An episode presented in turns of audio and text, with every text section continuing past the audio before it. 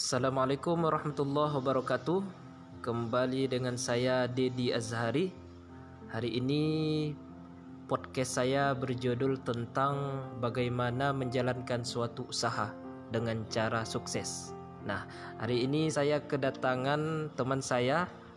Alhamdulillah dia bekerja tentang dagang, bagaimana memasarkan suatu usaha itu.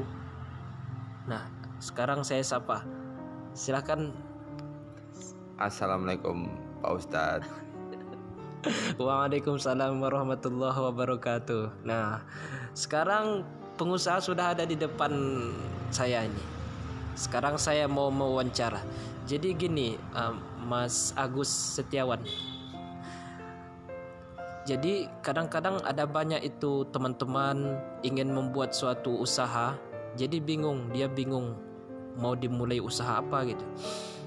Kadang-kadang model itu tidak semuanya banyak, ada gaji gajinya itu satu bulan dua juta lima ratus. Nah, kalau dua juta lima kalau dua juta lima ratus itu dia belikan ke apa ke usaha jadi kebutuhan selama satu bulan nanti kurang. Minimal lah dihabiskan itu satu juta lima ratus. Kira-kira uang satu juta lima ratus itu atau uang satu juta itu cocoknya dibuat bentuk usaha apa? Nah, silakan. Terima kasih Pak Ustadz. Sebenarnya sih kalau melihat dari pendapatan 2 juta setengah itu kan sebenarnya Pak Ustadz tahu sendiri nih berapa sih kebutuhan saya, berapa kebutuhan makan saya, berapa kebutuhan saving saya. Jadi udah ada apa berapa persen sih gaji yang saya dapat untuk makan, untuk kebutuhan-kebutuhan sehingga tidak mengganggu dari setiap pengeluaran di setiap bulannya. Misal untuk kebutuhan makan 30%, kebutuhan lain-lain 20% kan masih ada sisa 50%. Nah, 50% itu bisa nih dijadikan untuk modal usaha. Usaha apa sih yang di perlu digelutin? Ya itu masing-masing punya passionnya sendiri-sendiri.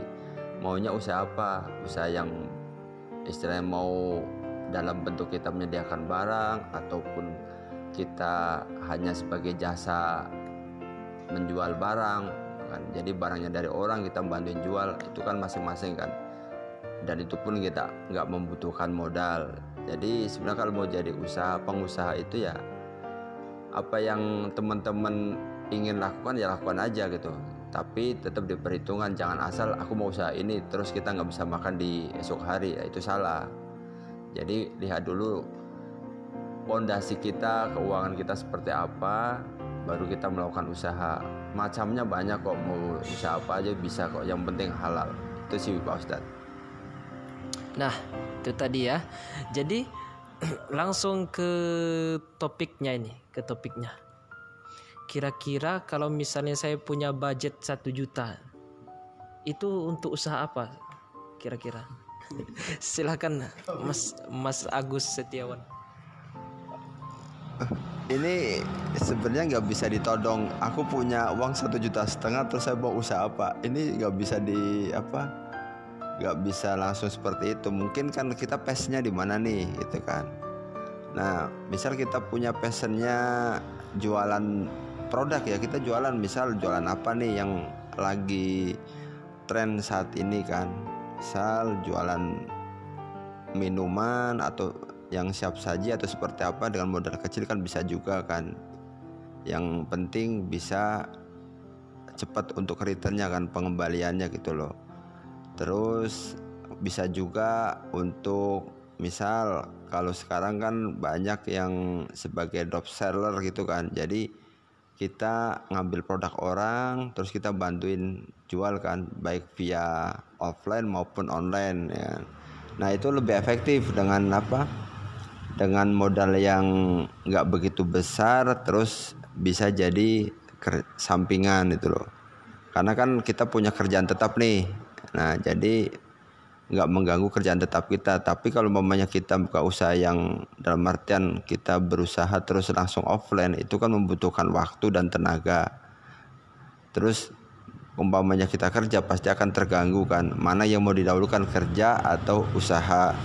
Tapi kalau mamanya yang tadi bentuknya istilahnya kita ngambil barang dari orang kita pasarkan via online itu akan lebih aman. Karena ya sembari mengisi waktu mamanya pas ada kekosongan atau apa itu bisa dilakukan itu loh. Sebenarnya marketing itu banyak kok caranya seperti apa. Tinggal kita mau nggak pokoknya di mana ada kemauan di situ ada jalan. Itu Pak Ustadz. Baik. Nah jadi sudah jelas ya teman-teman. Jadi kita kalau mau buat suatu usaha itu jangan semua uang itu di, dihabiskan untuk usaha. Kita mesti harus siapkan juga kebutus, ke, kebutuhan selama satu bulan. Nah, alhamdulillah saya sudah nampak uh, sudah terlihat usaha apa. Saya ada itu usaha produk-produk ya. Produk ini didukung dengan ustadz-ustadz yang terkenal saya tidak sebutkan usaha produk itu. Sekarang saya mau belajar bagaimana cara memasarkannya, bagaimana supaya orang itu tahu dan mau membeli uh, barang kita, terutama secara online. Soalnya saya sering uh, share di grup, di apa, di sosmed, tapi orang cuma melihat tapi nggak nggak ada yang beli gitu. Nah, kira-kira saya bertanya dengan ahlinya nih silahkan. Pak Ustadz ini terlalu apa ya Wong saya aja masih belajar kan? Kita sama-sama belajar Pak Ustadz. Hmm, ya. jadi intinya sih ini ya kan? Kalau mamanya kita mau memasarkan secara online ya kita rajin-rajin untuk buka ataupun untuk update terkait produk kita kan? Kan banyak nih aplikasinya mau lewat Shopee, Tokopedia ataupun yang lain kan bisa kan. Jadi ya sesering mungkin kita update terus kita apa? Update juga terkait dari feature dan benefit yang produk kita pasarkan itu loh. Sehingga si konsumen itu bisa melihat nih, oh apa sih bagusnya dari produk kita dan manfaatnya apa yang didapat itu loh. Jadi jangan jangan melulu pada berpatokan pada harga yang murah kan. Kalau harga yang murah nanti konotasinya produk itu tidak bagus kan. Tapi kalau mamanya kita tampilkan dari feature dan benefit itu kan orang akan melihatnya kan oh apa yang aku beli ini aku akan dapat ini loh manfaatnya gitu loh. Nah kalau udah dapat manfaat istilahnya kalau harga itu kan nomor dua. Yang penting kebutuhan si dari si pasien eh pasien sorry ke konsumen itu bisa terjawab dulu kan. Gitu Pak Ustad nah jadi ya, kira-kira sudah jelas ya teman-teman? Tadi sudah dijelaskan bagaimana cara memasarkannya. Sudah dijelaskan? Nah jadi uh, orang yang saya wawancara ini bukan kaleng-kaleng. Dia termasuk salah satu orang yang sukses dalam usaha perdagangan. Nah, alhamdulillah. Semoga podcast ini bermanfaat untuk teman-teman. Assalamualaikum warahmatullahi wabarakatuh.